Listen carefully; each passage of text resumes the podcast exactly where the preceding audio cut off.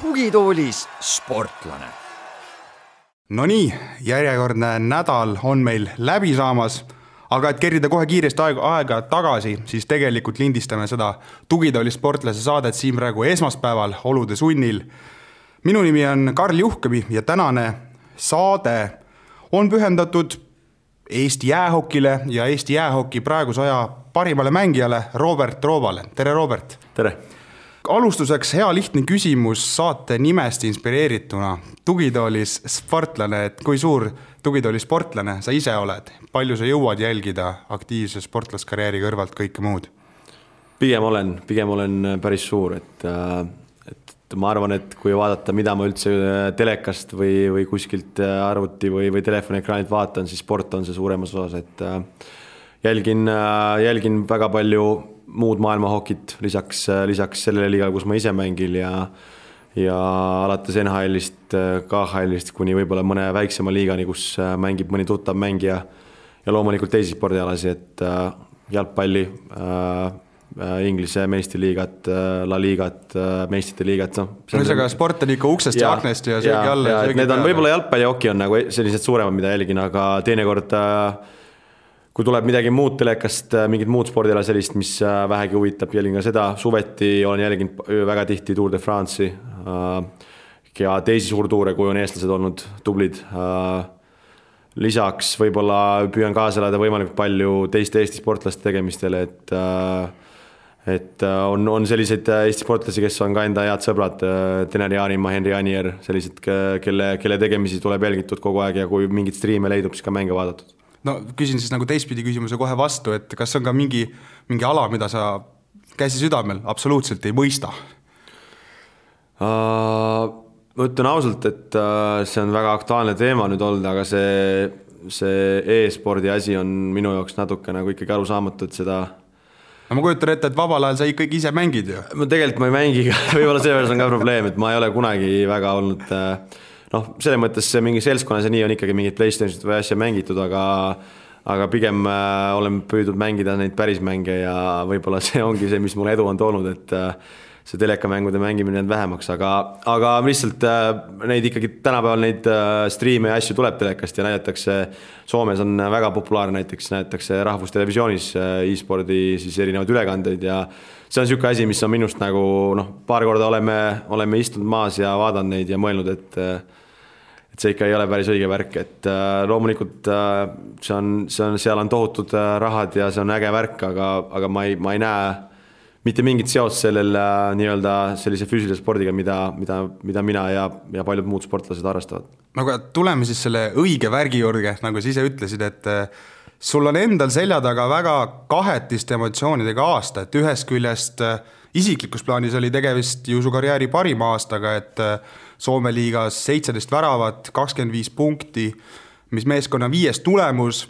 teisest küljest nagu klubi hooaja mõttes läks vist valesti sisuliselt, sisuliselt kõik, mis minna andis. et kuidas sa ise nagu sellele kõigele praegu tagasi vaatad? no sa tegid suht täiusliku kokkuvõtte, et nii see ka oli, et äh, meeskonna hooaeg tõesti, me ei leidnud oma mängu põhimõtteliselt mitte mingil hetkel, et äh, oli mingeid hel-, vähe, vähe helgemaid hetki, aga üldiselt see oli ikkagi väga üle kivide-kändude ja kaks treenerit, kaks treenerit kogu hooaja jooksul ja, ja uueks hooajaks tegelikult nüüd jälle uus treener, põhimõtteliselt kaks treenerit tulid ja läksid ja ja meil oli väga hea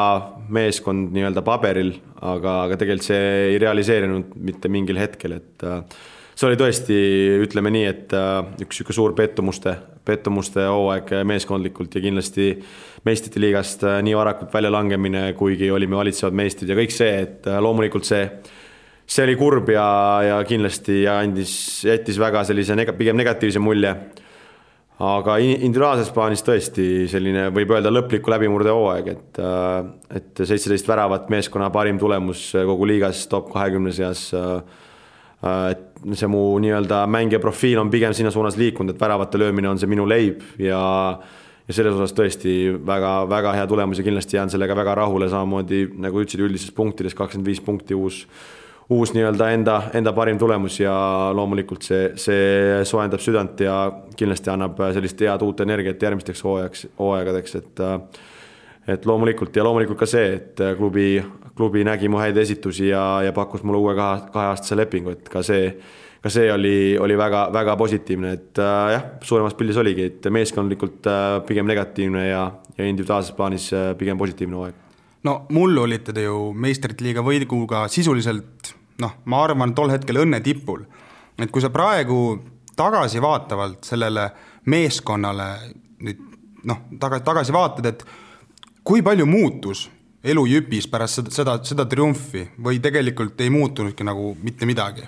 no otseselt see nüüd ei muutunud nagu midagi, et pigem äh, suuremad muutused olid see, see, kui äh, pärast siis seda meistrite liigat äh, hakkas äh,, kulmineerus siis äh, kohaliku liiga ehk Soome liiga hooaeg ja seal me ei suutnud veerandfinaalis kaugemale minna, siis äh, äh, anti, anti, anti treeneri kinga ja, ja toodi uus treener. tegelikult äh, ma arvan, et see oli nagu see kõige suurem muutus, et, et see muutis päris palju seda, seda, mis, äh, mis ja kuidas asjad olid enne meeskonnas toiminud, et äh, et selles mõttes tuli natuke sellise uue ja, ja nii-öelda noore, uue kooli filosoofiaga treener, kes andis mängijatele rohkem vabadust ja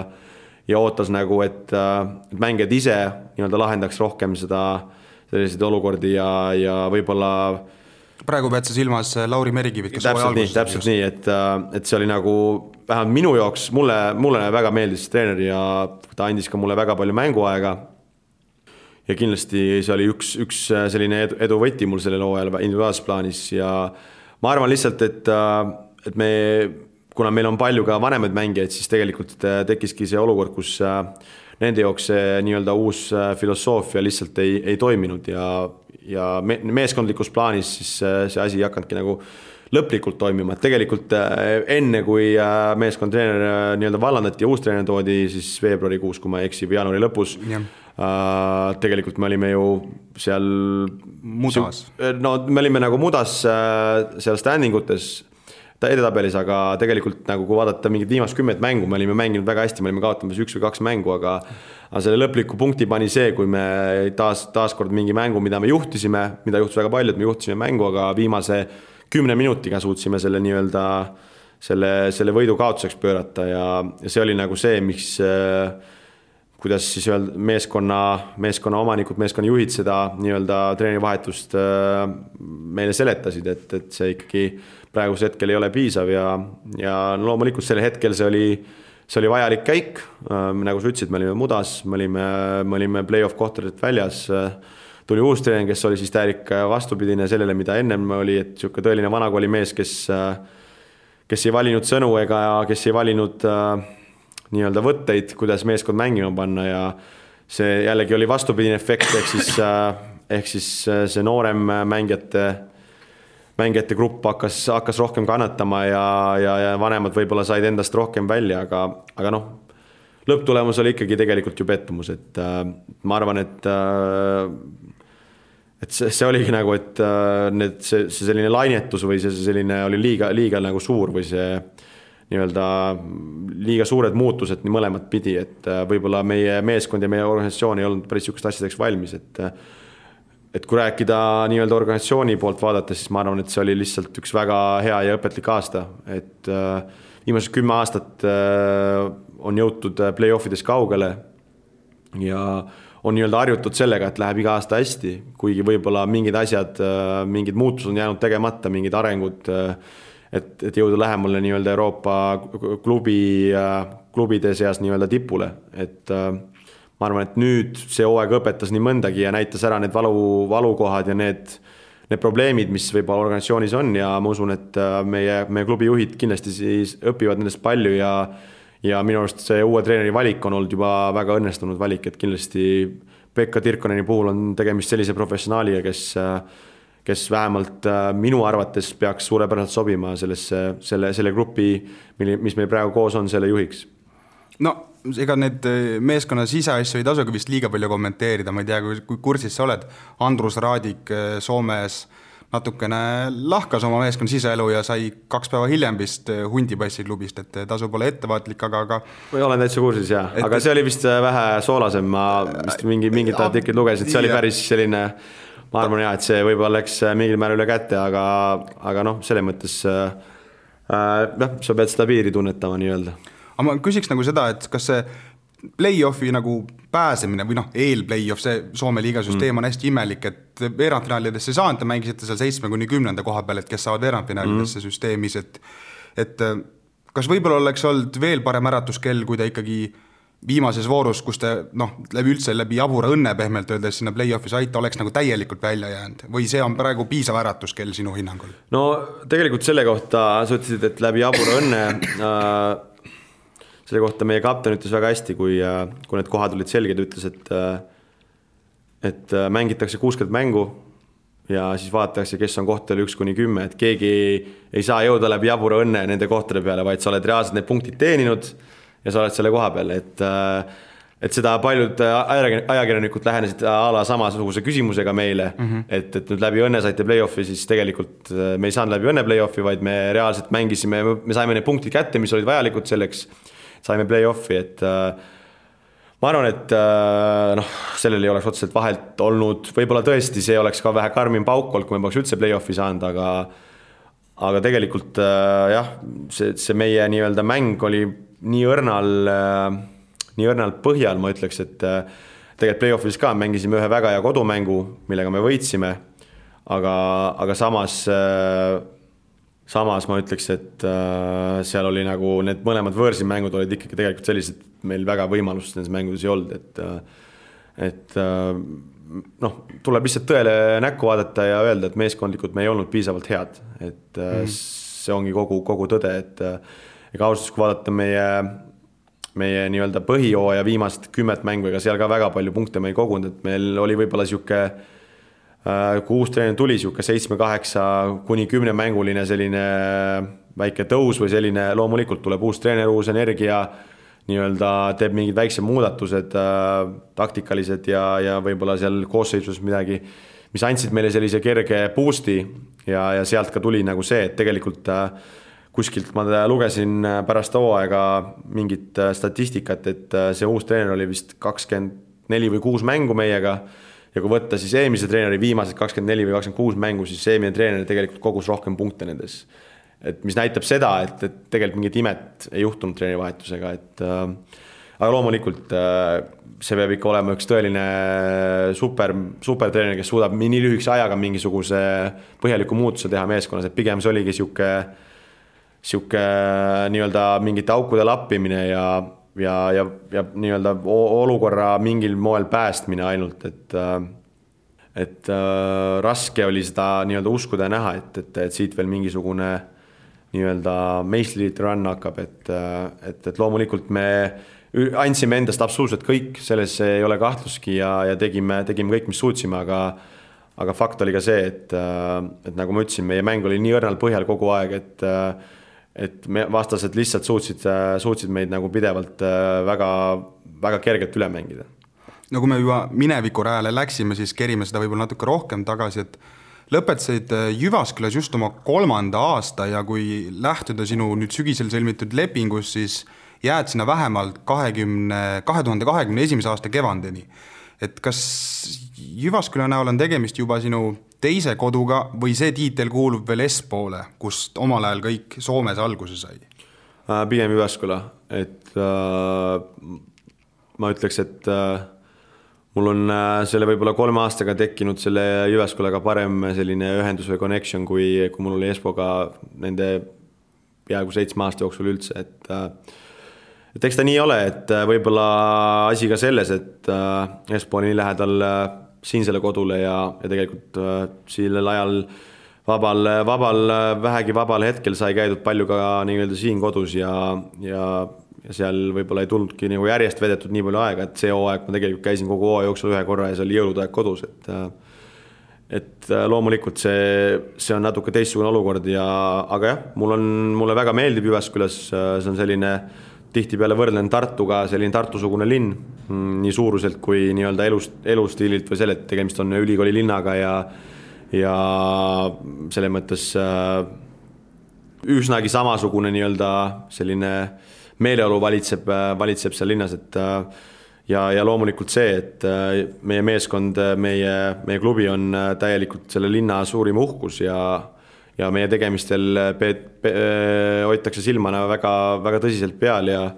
inimesed elavad väga tugevalt meile kaasa, olgu see siis kaotused või võidud, aga, aga nii-öelda teinekord poodi minnes äh, antakse sulle väga otsene nii-öelda tagasiside selle kohta, et kuidas läinud on, et. Äh, loodan, et see tagasiside piirdub siiski verbaalselt. jaa, seda loomulikult, aga, aga noh, selles mõttes, et see näitab ära, kui, kui, kui südamesse inimestel läheb meie meie mäng ja, ja selles mõttes äh, see on tõesti mulle, mulle see on väga meeldinud ja, ja see, see, et ma sinna kaheaastase lepingu sõlmisin, oli ka, oli ka üks, üks põhjus oli see just, et, et mul on tõesti see, see koht on sobinud hästi ja ma tunnen, et tunnen ennast seal nagu kodus, et äh, see on minu arust väga tähtis äh, sellel, selle puhul, kui sa mängid kuskil mujal kui, kui oma koduriigis, et, et sa tunneksid ennast seal hästi ja see, mis jääb väljakust väljakust väljapoole, on, on nii-öelda korras ja sa tõesti saad rahus nautida ja nii-öelda rahus äh, mõtteid mujal aeg-ajalt ja rahus taastuda ja et, et olla jälle valmis nii-öelda uuteks äh, mängudeks ja treeninguteks. No Jyvaskylas sada, umbes sada nelikümmend tuhat inimest, et, et äh, no sa juba vastasid, et poes oled, saad, saad ikka neid pilke, et tänavapildis sa oled ikkagi teada-tuntud nägu või, või juhtub ka neid päevi, kus sa saad rahulikult poodi ja tagasi lipsata ja käia raamatukogus ja kinos ka ära ja mitte keegi ei sega. No ikka on selliseid päevi ka loomulikult, eks ma arvan, Soome inimene on sarnane Eesti inimesega, et isegi kui ta kedagi ära tunneb, ega ta kohe õlale patsutama ei lähe, et äh, aga, aga noh, selles mõttes, eks seda nüüd, kui kolm aastat on mängitud ja nüüd ma nii-öelda olen suutnud mängida ennast äh, nii-öelda meeskonna, meeskonna liidrite sekka, siis loomulikult see, see tähelepanu on teistsugune ja seda on palju rohkem tunda, et võib-olla esimestel aastatel inimesed lihtsalt ei ei teadnud, kellega on tegemist ja, ja, ja ei osanud nii-öelda tänavapildis äh, ilma varustuseta nägu, nägu ja nime kokku panna, et äh, nüüd, äh, nüüd, nüüd, nüüd on nagu seda tunda olnud palju rohkem viimase, just viimase aasta jooksul, et et ta loomulikult nii, nii hull see ei ole, et, et ikkagi ei saa võrrelda mingisuguste Põhja-Ameerika liigade staaride või, või muu vastaga. no sa tegelikult läksid Soome vist see oli kaks tuhat kaheksa aasta, kui see kannapööre sinu ja su isa Jüri elus sai tehtud, et, et, et kas sul üldse praegu tekib veel Soomes hetki, kus sul aju kiilub kinni keele koha pealt või kultuuri koha pealt, oi, seda ma ei teadnudki. Või, või kõik on juba, mis üle lahe toimub, on nii omaks saanud? no selles mõttes ma ikkagi jään eestlaseks, et, et äh, ma ei, ma, ma väl-, püüan vältida igasugust soomestumist või või, või äh, soomlaseks hakkamist või muud vastavat, et äh, loomulikult äh, üle kümne aasta seal ol, olnuna kõik see nii-öelda elu ja kultuur ja, ja keel on kõik nii-öelda selles mõttes omaks võetud, et, et väga mingid asjad enam imestama ei pane ja väga mingeid probleeme sellega ei ole. aga eks ikka aeg-ajalt äh, saab tehtud jälle mingeid asju, mida, mida ei ole kunagi enne tehtud ja, ja mingisugused noh, mis iganes, mis Soome kultuuriga seotud asjad on või või, äh, või noh, just seegi, et, et nüüd, nüüd kui, kui enam nii palju kodus, äh, kodus ei ole võimalik käia, siis juba see, et sa viibid seal rohkem kohapeal, oled seal kõiksugused Soome pühad ja asjad ja ikkagi tutvud selle sealse nii-öelda eluoluga veel, veel rohkem ja veel sügavamalt, aga aga nagu ma ütlesin, siis pigem, pigem väldin jah, sellist liiga tugevat side, sideme tekkimist. no Eesti ja Soome pigem leitakse, et me oleme sarnane rahvus, ütlesid ise ka, et ei tulda tänaval ikka kohe ligi ligi, ligi ja ütlema, et äh, oli, olid, olid head seal mängus, aga kas oli midagi nagu, mida absoluutselt lihtsalt mõistus ei kohanenud ära, kui sa kümme aastat tagasi sinna läksid, noh tõsi, sa olid siis äh, noor poiss ja nägidki maailma natuke teistmoodi, aga mingi asi, mis võttis ikkagi aastaid, et kohaneda? nii kohe võib-olla ei tulegi midagi, et äh, no üks asi on kindlasti see, et, et selline üldine ühiskonnas võib-olla see see niisugune turvalisus või see on nagu selgelt suurem, et kui sa jätad telefoni näiteks kuhugi ääre peale, et siis tuled tunni pärast tagasi, siis äh, maksimum keegi on viinud kuhugi lähimasse infopunkti selle, et äh, et Tallinnas, kui siia ääre peale kuhugi jätta, siis ilmselt äh, piisab viiest sekundist, ma arvan. no võib-olla tõesti, et, et see mingid niisugused asjad, et tegelikult teinekord on olnud nii, et tuled koju ja umbes jätadki auto uksed lahti ja nagu ei mõtlegi selle peale ja, ja noh, et, et peab aeg-ajalt endale meelde tuletama, et noh mingid võib-olla niisugused väiksed asjad on, mis, äh, mis tegelikult äh, pead natuke teadvustama endale, kummas riigis sa oled, et äh, see on, see on võib-olla mingi sihuke esimene asi, mis, mis tuleb meelde, aga üldiselt ausalt öeldes nagu ei ole, et noh, inimesed on natuke ikkagi erinevad. mingisugused teatud iseloomuomadused on soomlased võib-olla teistsugused ja, ja aga noh, nagu ma ütlesin äh,, ei ole tegemist midagi, midagi kardinaalsega. kas see otsus, mida sa toona tegid, noh, see, mida su isa ja ema on selle nimel pidanud ohverdama, oled ka ise sellest ju korduvalt intervjuudes rääkinud, on metsik.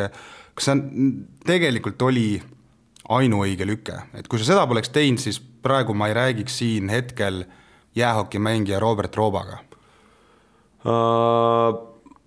hästi raske on seda nagu ennustada selles mõttes uh,. kindlasti oli see õige, see oli nagu õige, selles ma ei kahtle, aga aga kui võtta nagu seda küsimust nii, et uh, kui oleks teinud mingi muu lükke, läinud kuhugi mujale, oodanud veel ühe aasta, mida iganes, seda on väga raske ennustada. et kuhu suunda see siis oleks liikunud, aga kindlasti see oli sada protsenti õige otsus ja kindlasti see, et ma praegu siin istun professionaalse hokimängijana,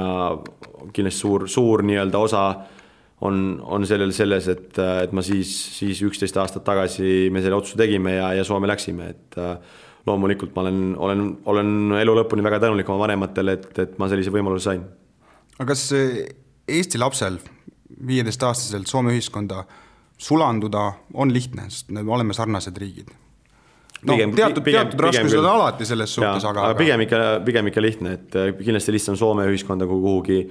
ükskõik kuhu Euroopasse, mujale või, või Ameerikasse või kuhugile, et äh.... kuuleme küll, kuidas praegu korvpallurid lähevad neljateistaastaselt Itaaliasse mm. või noh, kuhu iganes selles suhtes, et see samm on nagu mugavam või, või turvalisem kuidagi. kindlasti, kindlasti, aga no minu puhul oli ju see, et tegelikult ma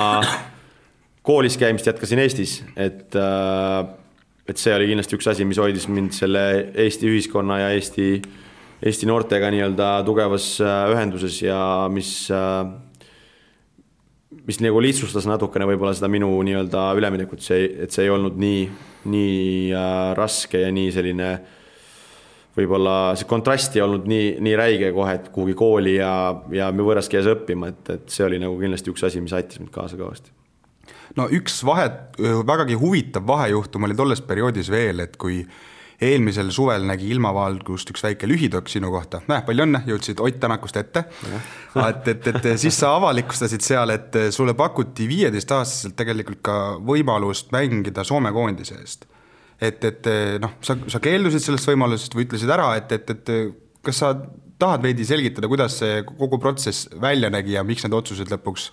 nii kujunesid, nagu nad kujunesid? No tegelikult see oli jah, kui ma läksin Soome, siis äh, kohe ka uuriti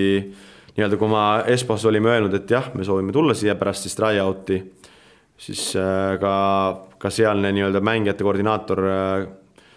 hakkas kohe uurima seda, et, et kas ka huvi on hiljem nii-öelda Soome kodakondsus võtta ja nii edasi ja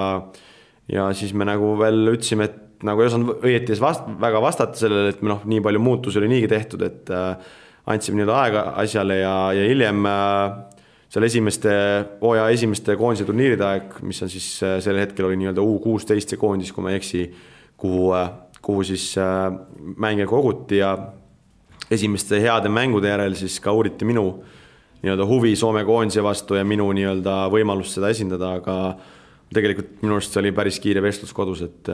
kus sai asi selgeks, et meie jaoks on Eesti on kodumaa ja Eesti esindamine on, on, saab olema prioriteediks ja, ja, ja, ja pärast seda me ei ole kordagi tagasi vaadanud ega midagi kahetsenud, et et ma ütlen ausalt, minu jaoks jääb väga arusaamatuks, kui tänapäeval mõni noor, on see siis hokinoor või mõne muu spordiala noor, valib Eestis siis nii-öelda hokiharidus, hokihariduse või siis selle spordihariduse saanuna valib mingi muu koondise, minu jaoks see jääb arusaamatuks ja võidakse rääkida igasuguseid äh,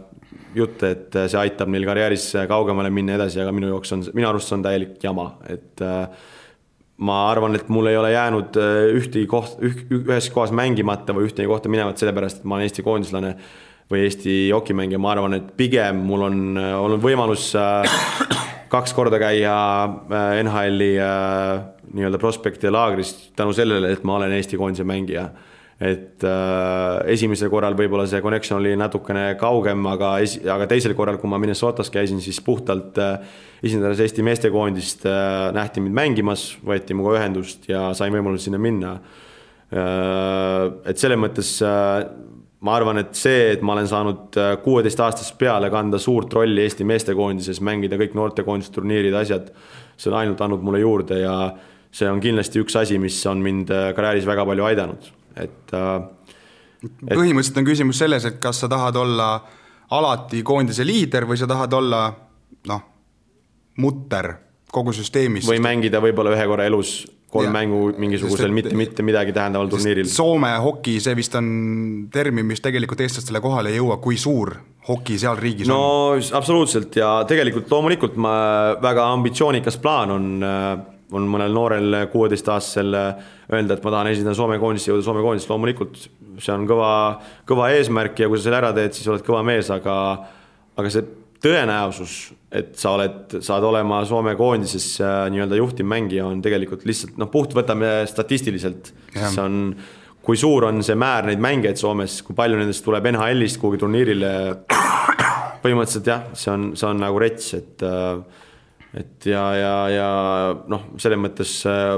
siin just viimaste aastate jooksul on olnud olukordi, kus siis on noormängijad teatanud Eesti Eesti koondise juhtidele, et nad ei soovi Eesti koondise esindajat, nad üritavad saada Soome koondisesse ja on valinud selle kodakondsuse. ja siis on ka minult paar korda palutud, et ma nende mängijatega räägiks, siis paari korral ma olen ka rääkinud, aga üldiselt ma olen võtnud nüüd selle joone, et et nagu noh, see, see isegi see rääkimine ei ole, ei ole nagu või sellest ei ole mingit kasu, et see on ikkagi peab, koondise ja riigi esindamine peab tulema su südamest, et äh, minu arust see on nagu niisugune asi, mida keegi ei saa sulle nagu paluda või rääkida auku pähe või midagi sellist, et äh, see on iga, igal spordialal, kui, kui läheb koondise esindamiseks, siis see on puhtalt nii-öelda südame küsimus ja ja kui sul ikkagi seda ei ole, siis noh, sa võid olla hea mees, aga, aga noh, sust ilmselt ei ole väga palju kasu selle koondise jaoks no ma veel koondise juurde ei hüppa, kuigi selleni me nagu saate lõpuosas jõuame. tahaks huvi pärast küsida sellise küsimuse, et, et see meistrite liiga trofee, mille te nüüd eelmisel aastal võistsite, kus see karikate hierarhias sinu silmis asub, et kas see kuna see on, tegemist on eurosarjaga, kas tegemist on automaatselt vingema asjaga näiteks kui Soome meistritiitliga või Soome meistritiitel tegelikult on hinnalisem? No hetkel hokimaailmas pigem ütleks, et Soome meistritiitel on hinnalisem, et äh, see meistrite liiga veel kogub nii-öelda tuure, kogub äh,, kogub sellist äh, ütleme, et kasvatab oma, oma mainet ja üritab saada sellist ajalugu oma selja taha, et, et seda saaks hakata nii-öelda pidama veel suurema trofeena. samas, kui võtta puht seda, et mis meeskonnad seal mängivad, milline on konkurents, siis see on noh, tegelikult väga kõva, see on kui, kui jätta KHL välja, siis see on kõige kõvem, mis Euroopas on, äh, puhtalt selle pealt, aga ma arvan, et äh, hetkel veel äh, Soome meeskonnad ja Soome hokimängijad peavad kõvemaks, kõvemaks tiitliks oma, oma liiga võitmist, et,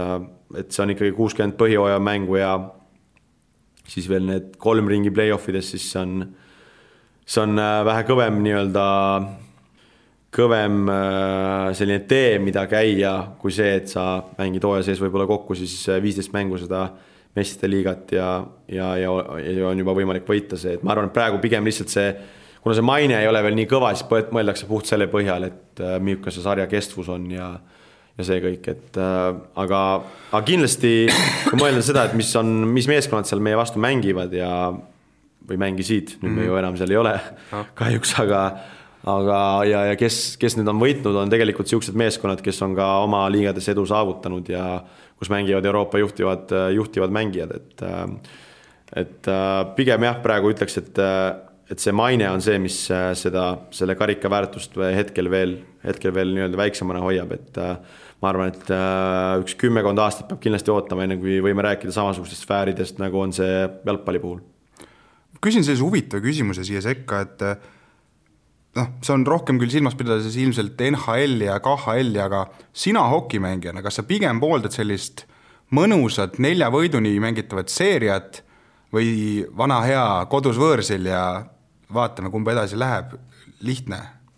mõtled nüüd play-off formaati? just, just, just. Uh, ma arvan, et uh, praegu on see täpselt õige siis see, et, uh, et CHL-i puhul on see kodus võõrsil ja, ja koduliiga puhul on see nii-öelda nelja võiduni paras, parim seitsmest või kuidas seda nimetatakse. et ma arvan, et see ongi praegu õige nii, et ma ei näe seda, et see oleks mõistlik mängida meistrite liigas, kus vahemaad on metsikud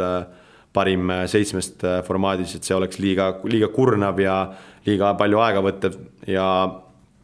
teistpidi, kui koduses liigas mängida kood, koduse võõrsil ja panna tulemus kokku, siis see oleks ka liiga, liiga nii-öelda lühike või, või liiga lihtne, liiga lihtne nagu viis, viis võita mingit play-off seeriat, et et ma arvan, et nii nagu ta praegu on, on, on, on väga õige ja, ja, ja loodan, et, et nii ka säilib. no kui me siin räägime seeriatest ja kodus võõrsil süsteemidest, siis üks eriti valus süsteem on see, mis on kasutusel tiitlivõistlustel, kus üks mäng otsustab kõik ja üks äh, mäng, mis ilmselt ületas uudisekünnise kordades ja kordades suuremalt, kui kõik eksperdid seda arvasid, on naiste jäähoki MM-finaal, millega ma arvan, sa oled kuulnud seda söögi alla ja söögi peale, aga lugejatele kiire kokkuvõte on siis see, et äh,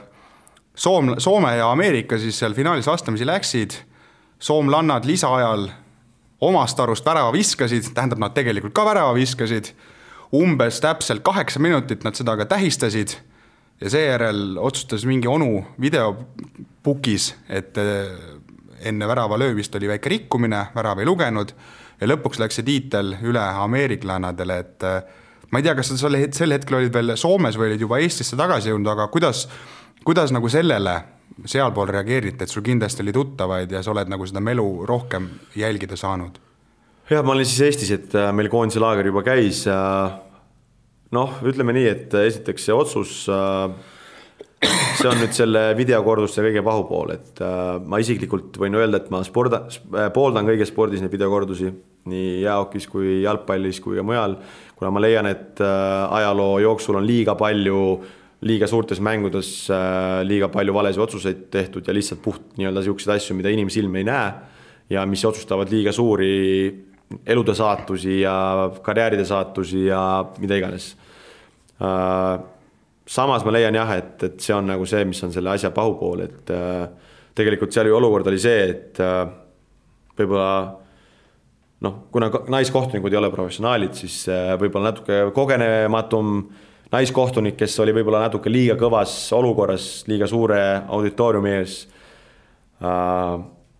ei osanud võtta jääl vastu otsust, ehk siis ta tegelikult äh,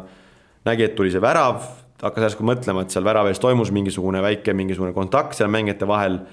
ja, ja tegelikult ta oli ju andmas karistust sellele Ameerika väravahile. mis anti ka minu meelest veel tagantjärele. no ma isegi absoluutselt ei tea, mis seal lõpuks seal välja anti, aga, aga point oli selles, et tema läkski siis nagu seda nii-öelda kuidagi vaatama. ja, ja siis sealt ülevalt see onuke ütles talle, et tegelikult lugu on nii, et sa peaksid hoopis andma sellele mängijale selle karistuse. Mis pööras selle täiesti pahupidi, et tegelikult noh, see oli absurdne olukord ja tegelikult äh, seal oli veel olukord, see oli see, et kuna roomlased hakkasid tähistama võitu, siis treener tuli jääle nüüd, kui mäng jätkus pärast, see tähendaks seda, et tegelikult treeneri peaks saatma meeskonna juurest ära, sest et ta on eksinud reegli järgi, mis keelab me, meeskonna treeneril jääle astuda, enne kui mäng on lõppenud. Äh, samamoodi see, et soomlased siis pärast seda otsust äh, nii-öelda tegid selle challenge'i ehk siis äh, kaebasid selle otsuse nii-öelda edasi, seal palusid seda olukorda uuesti vaadata või, või mis iganes, kuidas seda kirjeldada, siis tegelikult nad olid juba võt-, kasutanud ära ennem oma selle time out'i, mis tähendab seda, et tegelikult nad poleks saanud seal challenge'it teha, et seal on see reegel, et et kui sa kasutad ära time out'i, siis sa ei saa challenge'it teha. Või siis, kui sa teed challenge'i, siis sa pärast ei saa enam time-out'i võtta. ehk siis seal oli nagu mingid noh, see kogu see, kogu see viisteist minutit kestnud trall oli täis absurdsusi ja väga imelik otsus, kindlasti mingi kindlasti on see selles mõttes, äh, mina mõtlen seda asja nii, et see on hea, et see nüüd juhtus seal naiste turniiril. Äh, üldse mitte naiste jäähokit kuidagi äh, nii-öelda selle tähtsust vähendades, siis lihtsalt ma arvan, et hetkel see auditoorium ei ole veel nii suur ja see tähtsus ei ole veel nii suur rokimaailmas et hea, et see juhtus seal, mitte ei juhtunud näiteks kuskil meeste jaoki finaalis või olümpiafinaalis või mis iganes. et nüüd on võimalik teha mingeid järeldusi, vaadata see olukord üle ja mõelda, kuidas, kuidas sihukeseid asju vältida, et äh, aga noh, loomulikult Soome rahvas oli, oli tohutult pettunud ja ja oldi väga kurvad ja väga emotsionaalsed ja, ja väga nii-öelda lahmiti päris kõvasti nii meedias kui sotsiaalmeedias kui igal pool selle, selle asja kohta, aga tegelikult äh, noh,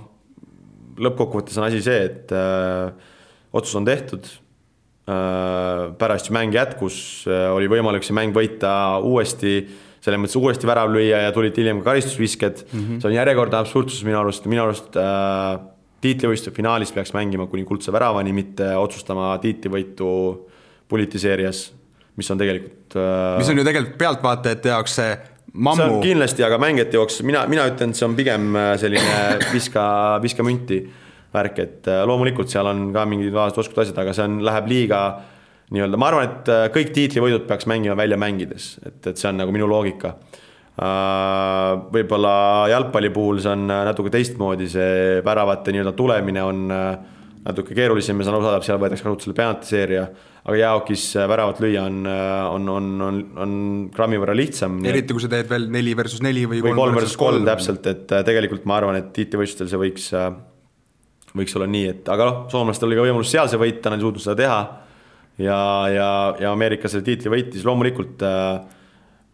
minu arust see väravaks pead lugema ja soomlased oleks pidanud saama, aga teinekord lihtsalt sa ei saa midagi teha selle vastu ja ja see on fakt, tegelikult see on ka see, kuhu Soome meedia ja Soome juhtivad äh, jäähoki inimesed lõpuks jõudsid, et äh, anname asjal olla. oleme õnnelikud selle üle, et alistasime Kanada poolfinaalis ja nüüd meil jääb äh, piisavalt nälga, et järgmine aasta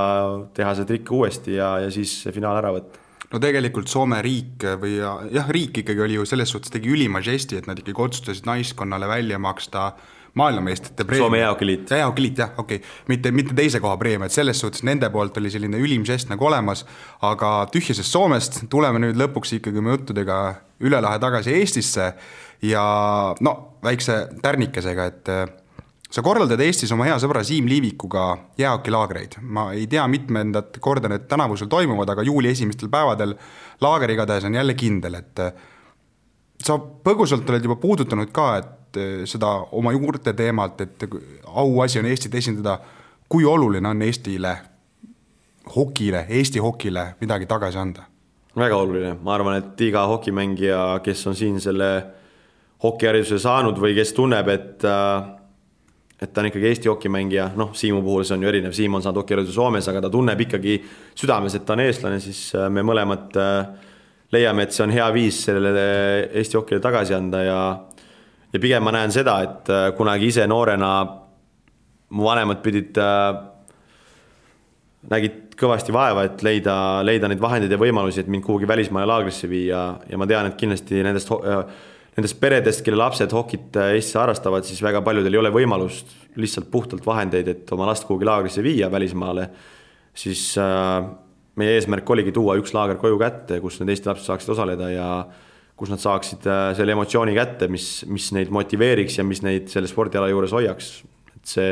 see ongi kogu meie missioon ja, ja nüüd, kui ma ei eksi, siis see on meie kolmas aasta Siimuga, enne seda ma tegin ka paar aastat seda üksi väiksemas formaadis. nüüd, kus see on kasvanud äh, kõige suuremaks, siis kaheksakümmend kaheksa last on, on selle nii-öelda maksimum, mis me näeme, et sealt, sealt üle minnes peaksime hakkama äh, nii-öelda tegema mitmes vahetuses seda laagrit juba, et praegu me saame selle ühes vahetuses, vahetuses tehtud. Äh, siis noh, ütleme nii, et see on kasvanud väga kiirelt ja, ja huvi laagri vastu on tohutu, et hetkel on kohad äh, põhimõtteliselt täis, et äh, väravahtide kohti on üksikuid veel. aga, aga väljakumängijate kohad on täis, meil on ootejärjekorras üks kümmekond last kindlasti veel ja, ja noh, laagrini on veel mitu kuud aega, mis on noh ütleme nii, et enda jaoks äh, võtab see, ütleme ikka väga nii-öelda härdaks oleku, et see on, on nagu noh, retsilt, retsilt äge värk, et äh, ei oleks võib-olla kunagi uskunud, kui seda asja hakkasime kuskil äh, niimoodi Siimuga kuskil äh, saunas, saunas niimoodi omavahel arutama ja niimoodi naljaviluks võib-olla natuke või või niimoodi lihtsalt, lihtsalt mõttekäiguna, et, äh, et see nii kiiresti on nii, nii hästi arenenud, loomulikult meil on väga head partnerid ja sponsorid olnud, kes seda asja on meile kõvasti lihtsamaks ja ja mugavamaks teinud, meil on, meil on, meil on olnud nagu head võimalused teha head asja ja ilma, et me peaks liigselt palju muretsema nii-öelda vahendite pärast, et äh, me, meie jaoks tähtis on ka see, et see laager ei oleks nendele vanematele tohutu väljaminek rahaliselt ja me oleme suutnud hoida selle laagri nii-öelda tasu üpris inimlikuna et, et, äh, et. Teie jaoks on see tegelikult hea tegevus? loomulikult, loomulikult, et äh, selles mõttes see on puhtalt, see, see ei ole business, selles mõttes, kui sa seda mõtled, et äh, et äh, aga loomulikult meil on, meil on seal treenerid, meil on seal abilised, meil on seal äh,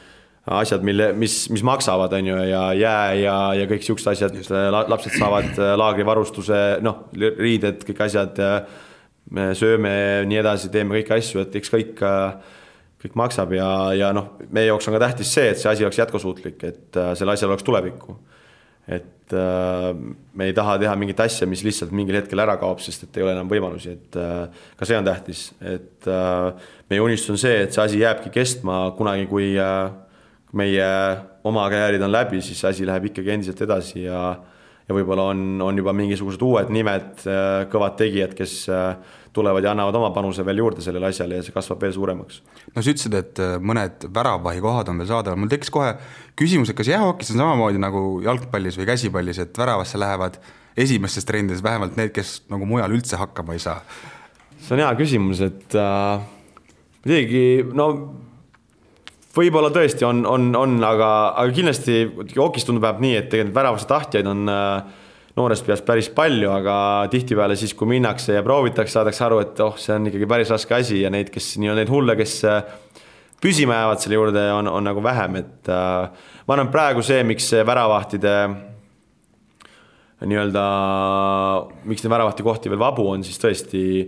ikkagi see protsent, kui mõelda, palju meil Eestis neid hokiharrastajaid ja lapsi on, siis väravahti osakaal on kindlasti väiksem seal mm. -hmm. ja üks asi on ka see, et äh, tänapäeval korraldatakse nii palju eraldi väravahtide jaoks spetsialiseeritud laagreid, et võib-olla pigem pannakse panus nendele ja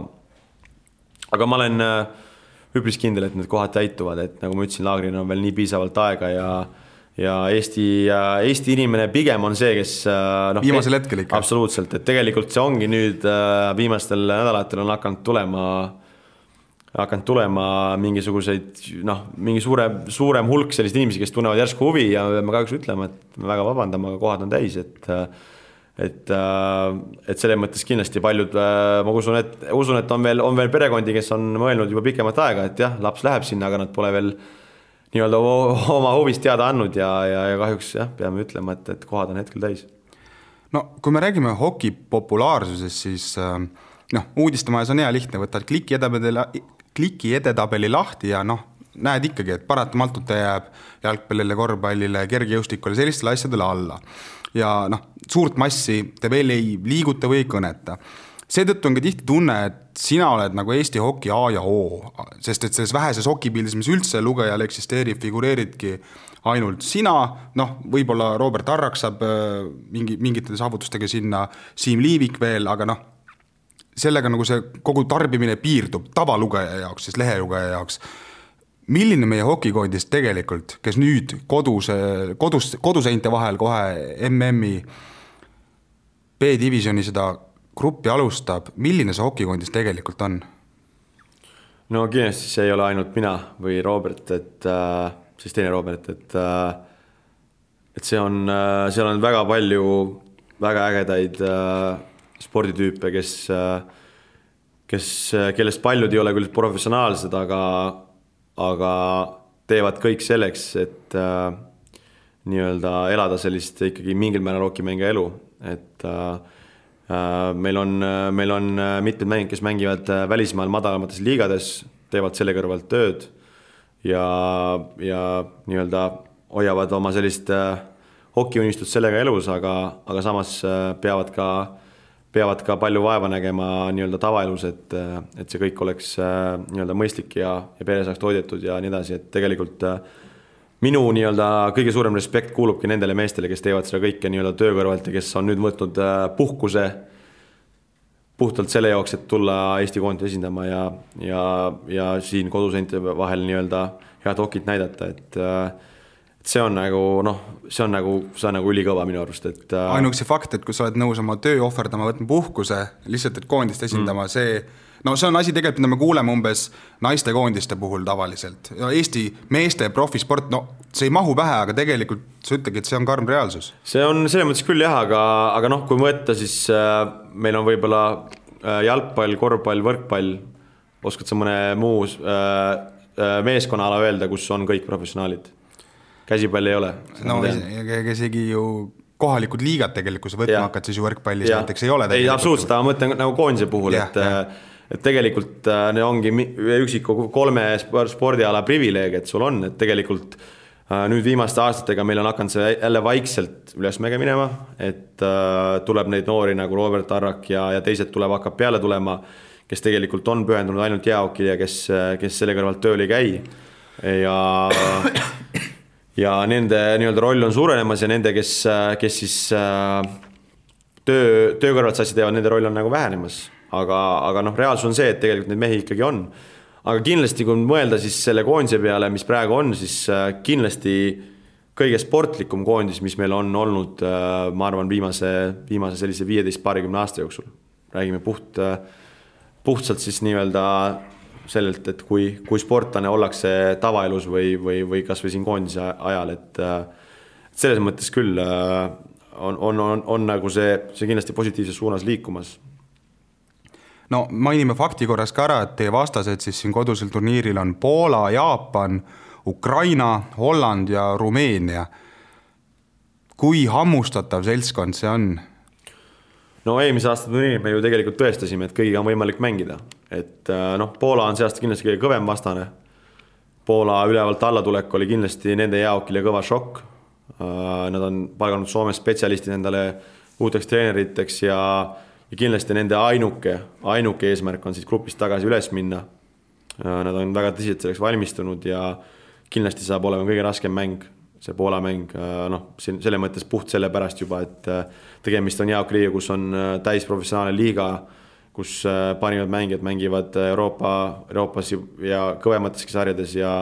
ja nende valik ja, ja kõik on, on, on kindlasti palju suurem kui, kui mõnel te, teisel väiksemal hokiriigil, kes, kes siin turniiril on Äh, Jaapan samamoodi omab, äh,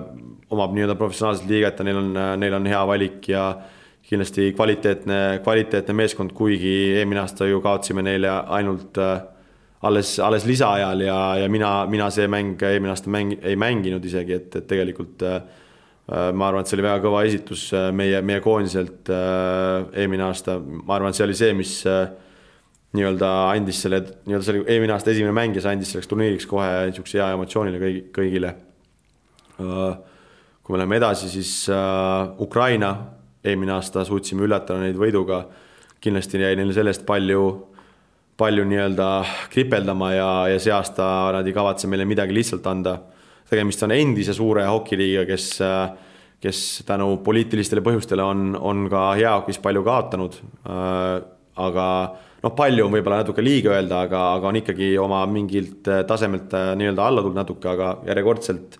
omab professionaalset liigat ja, ja nende valik on äh, mängijate jaoks päris, päris hea. Läheme edasi, Rumeenia taaskord omab nii uskumatu, kui see ei ole professionaalset liigat, pluss nende parimad meeskonnad mängivad veel Ungari liigas. täielikult profimeeskonnad Ungari, Ungari liiga on täiesti arvestatav liiga selles mõttes, et seal mängib ka meie meeskonna esiväravat Villem-Hendrik Oitmaa. Äh, see on nagu see, need on need, need on need faktid, mis tegelikult panevad perspektiivi selle, et milliste meeskondadega me võitleme, et need riigid võivad kõlada küll väiksemate hokiriikidena, aga seal käib väga kõva töö. et, et jõuda suuremateks hokiriikideks, et äh, Holland, kes tuli alt siis ülesse sea, äh, selleks aastaks äh, alumisgrupist äh, Holland, äh, Hollandil on endal üks profimeeskond, kes mängib Saksa kolmandas liigas. Äh, nende tuumik tuleb sealt, see tähendab seda, et nad mängivad kogu hooaja koos, mis annab neile nii-öelda väga hea eelise nii-öelda selles osas. aga, aga noh, nagu ma ütlesin, kõigiga me võime mängida. Äh, ma usun, et kõiki on ka võimalik võita. sa mängid ühe mängu, ühe mängu jooksul on võimalik hokis teha ükskõik mida, ükskõik keda võita et äh, tuleb olla, kõik oleneb sellest, kui hästi suudame me oma taktikalist plaani täide viia ja kui distsipl-, distsiplineeritud me suudame mängida, et äh, ma arvan, need on kaks pea, peamist põhjus äh,, peamist põhjust, miks me eelmine aasta olime edukad. et äh, lihtne ei saa olema ühegi meeskonnaga, see on nagu ühtegi outsiderit siin ei ole, ühtegi sellist äh, nii-öelda lihtsat tööpäeva meil ei tule äh,. tuleb kindlasti väga tasavägine turniir äh,. aga, aga ma arvan, et need on, need on need jõudude vahekorrad, mis, mis, mis ma praegu ette lugesin ja, ja ja, ja noh, ma arvan, et see, et meil on koduseinad toeks, annab meile kindlasti väga, väga hea energia. mul on hea meel, et sa koduseini mainisid, et viimati saite koduseinte ees mängida kahe tuhande kuuendal aastal ja sa ise oled äh, seda, seda perioodi meenutanud niimoodi, et mäletan, kui viimati Tallinnas turniiri mängiti, olin ise see väike poiss, kes käis pärast soojendust litreid jäält ära korjamas. mida tähendab nüüd siis see kodujääl välja, väljakule minemine, kas süda puperdab ja vererõhk läheb kõr-, kõrgemaks ka sel hetkel? No kindlasti, enne esimest mängu kindlasti tuleb äh tuleb äh, mingi vähe sellisem äh, kõvem nii-öelda puperdus sisse, et ma arvan, et pärast seda juba saab sellise hea flow kätte ja läheb lihtsamalt, aga, aga kindlasti see on noh, minu jaoks see on unistuse täitumine. ma olen Tallinnast, Tallinnast pärit ja Tallinnas lapsepõlves kogu oma lapsepõlve veetnud ja ja minu jaoks Tallinn on, Tallinn on ikkagi täielikult kodulinn ja, ja suurem, suurim asi südames. See, et mul on võimalik Eesti koondisega siin mängida MM-turniiri kõigi oma perekonna ja sõprade ees on, on, on tõesti, nagu ma ütlesin, unistuse täitumine, et äh, tõesti su suur asi ja ja aga ma samas olen seda asja enda mõtest, enda jaoks mõtestanud niimoodi, et äh, ma ei kavatse endale luua mingisuguseid tohutuid äh,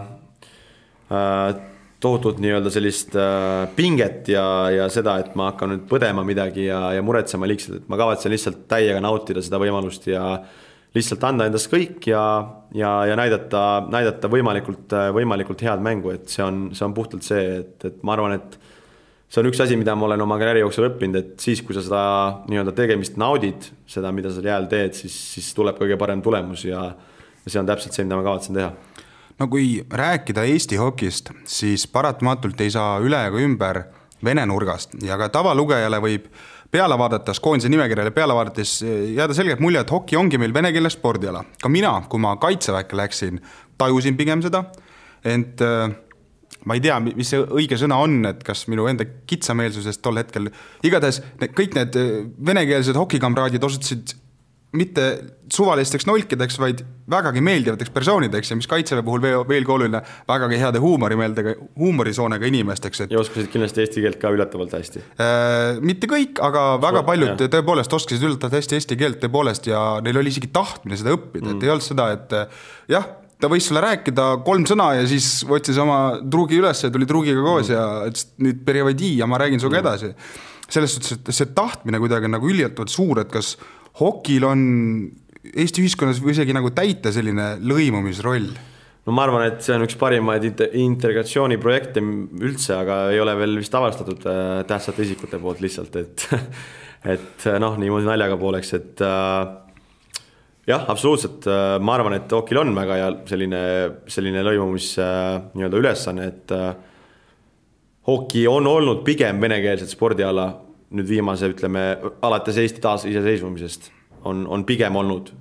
Ida-Virumaa on täitnud suurt rolli selles ja ka Tallinnas on, on suur osa hokiharrastajaid olnud äh, venekeelsed, aga ma arvan, et viimase niisuguse kümne, kümnekonna aasta jooksul see nii-öelda protsent on hakanud pigem äh, muutuma võrdsustumise suunas äh,. küll ei saa veel öelda, et, et oleks, oleks päris pooled ja pooled, aga aga kindlasti ma ei, ei, ei nõustu väitega, kui keegi ütleb, et äh, hoki on äh, venekeelste spordiala Eestis. ma arvan, ma olen seda piisavalt hästi tõestanud, et, äh, et see, see on, see on pigem mingisugune selline kitsameelsus paljudele inimestele, et jäädakse kinni mingisse sellisesse ideesse, et see on nüüd venelaste spordiala ja eestlastel ei ole mingit asja sinna.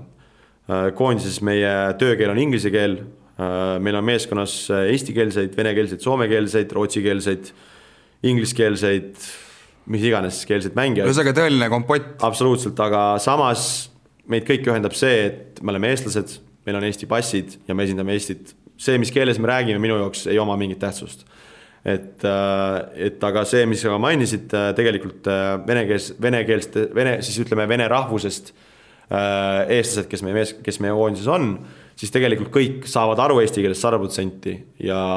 ja räägivad äh, vanemad mehed võib-olla vähem, nooremad mehed rohkem, aga kõik räägivad äh, mingil määral ja ja, ja, ja see on tegelikult äh, minu arust piisav täielikult, et äh, äh minu arust äh, jalgpallis on näidatud väga head äh, eeskuju selles osas, kuidas koostjad ja äh, ja tiimad ja muud on äh, väga ilusti eesti keeles äh, rääkima pandud ja annavad intervjuusid. ja saanud ja... oma koostjad, eks ju, oma tiimad. täpselt ja, ja ma arvan, et see, kui koostja virutab selle sealt kuueteistkümne pealt taha risti, siis äh, keegi ei, ükski Eesti jalgpallifänn ei pane pahaks seda, et ta on venekeelsest perest. ja samamoodi ma arvan, ei pane pahaks ükski Eesti jäähoki e nii-öelda eestikeelne fänn seda, kui Andrei Makrov äh, lööb seal litri sinna üles nurka ja mõne mängu võidame, et äh, ma arvan, et see on mingi asi, millesse on nagu liiga palju energiat pandud ja tegelikult, kui seda asja vaadata natuke laiemalt, siis tegelikult ei oma tähtsust. et äh, äh Tondiraba jäähallis käib äh, väga hea töö äh, nii-öelda noortehokitöö siis äh, pigem venekeelsete treenerite ja venekeelsete lastega. Samas on seal sees äh, eestikeelseid lapsi, samamoodi siis Škoda jäähallis, kus on HC Pantri klubi, kus on noh, rohkem võib-olla eestikeelseid lapsi noh, räägin siis kodukeelest praegu on ju mm, -hmm. samas treenerid on, treenerid on eestikeelsed, et noh, see kõik, see kõik ongi nii ja ma ei näe selles mingit probleemi, mulgi on olnud nii eesti kui venekeelsed treenerid, ma olen sellepärast, et ma olen mänginud venekeelsete poistega nooruspõlves palju koos, on mulle andnud suurepärase võimaluse õppida ära täielikult vene keel, mis on, ma arvan, ülikõva oskus kuskil tulevikus, mis iganes, mis iganes mulle karjäär toob või Äh, pärast karjääri olev elu toob, et, et ma näen ainult positiivseid asju selles ja ja see, et rääkida, et hoki on äh, venelaste spordiala, on tegelikult täielik jama, et äh, ma arvan, et selle asja me võime rahulikult ära matta koos kõige muu jamaga, mis Eesti hokis kunagi on toimunud. No lõpetuseks küsin sellise lihtsa, ent väga keerulise küsimuse, et, et, et kas hokil on Eestis tulevikku, kas me oleme tõusuteel hokiga? kindlasti oleme tõusuteel. ma arvan, et see me ei ole veel leidnud täielikult oma, oma kohta Eesti spordimaastikul, sellepärast et äh, meil oli siin mingid väga tumedad perioodid, mis äh, matsid meid äh, sellise mõnusa tuhakihi alla võib-olla. Need asjad on selja taha jäetud, on tehtud tohutult palju väga head tööd praeguste jäähoki, siis äh, Jäähokiliidu või siis Eesti Hoki juhtide poolt ja noorteklubide poolt ja, ja, ja kõik, kõik, kõigi muu hokiga seonduvate inimeste poolt ja me oleme selgelt selle asja jätnud selja taha, me oleme tõusuteel, aga ma arvan, me otsime oma kohta veel. Äh, ma arvan, et unistus sellest, et me oleme number üks meeskonnaspordiala Eestis on äh, võib-olla natukene liiga selline karm praegusel hetkel vähemalt. Ma ei ütle, et see, see oleks võimatu, aga ma arvan, et selle jaoks äh, peab väga palju muutusi toimuma ja ja esiteks väga palju uusi jäähalje tekkima, et, et see on number üks probleem, aga ma arvan, et me hetkel veel otsime oma kohta Eesti, Eesti spordimaastikul ja otsime nii täpselt seda, seda õiget, õiget positsiooni ja, ja ja pigem ma arvan, et meie roll jääbki selleks, et me, me oleme mingisugune väiksem spordiala, kes astub pigem, pigem nende suuremate kandadele, aga, ja sunnime neid nii-öelda rohkem pingutama, aga, aga päris nende kohta veel ära ei võta no igatahes juba sellel pühapäeval, kahekümne kaheksandal aprillil saavad kõik veenduda, missugusel tõusulainel Eesti hoki on ja terve järgmise nädala samamoodi Tondiraba jäähallis neid äh, MM-mänge peetakse. mina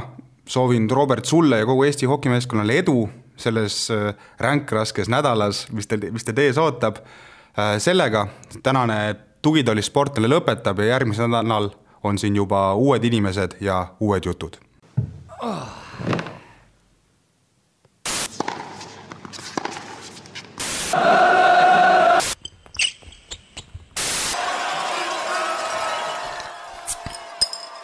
tugitoolis sportlane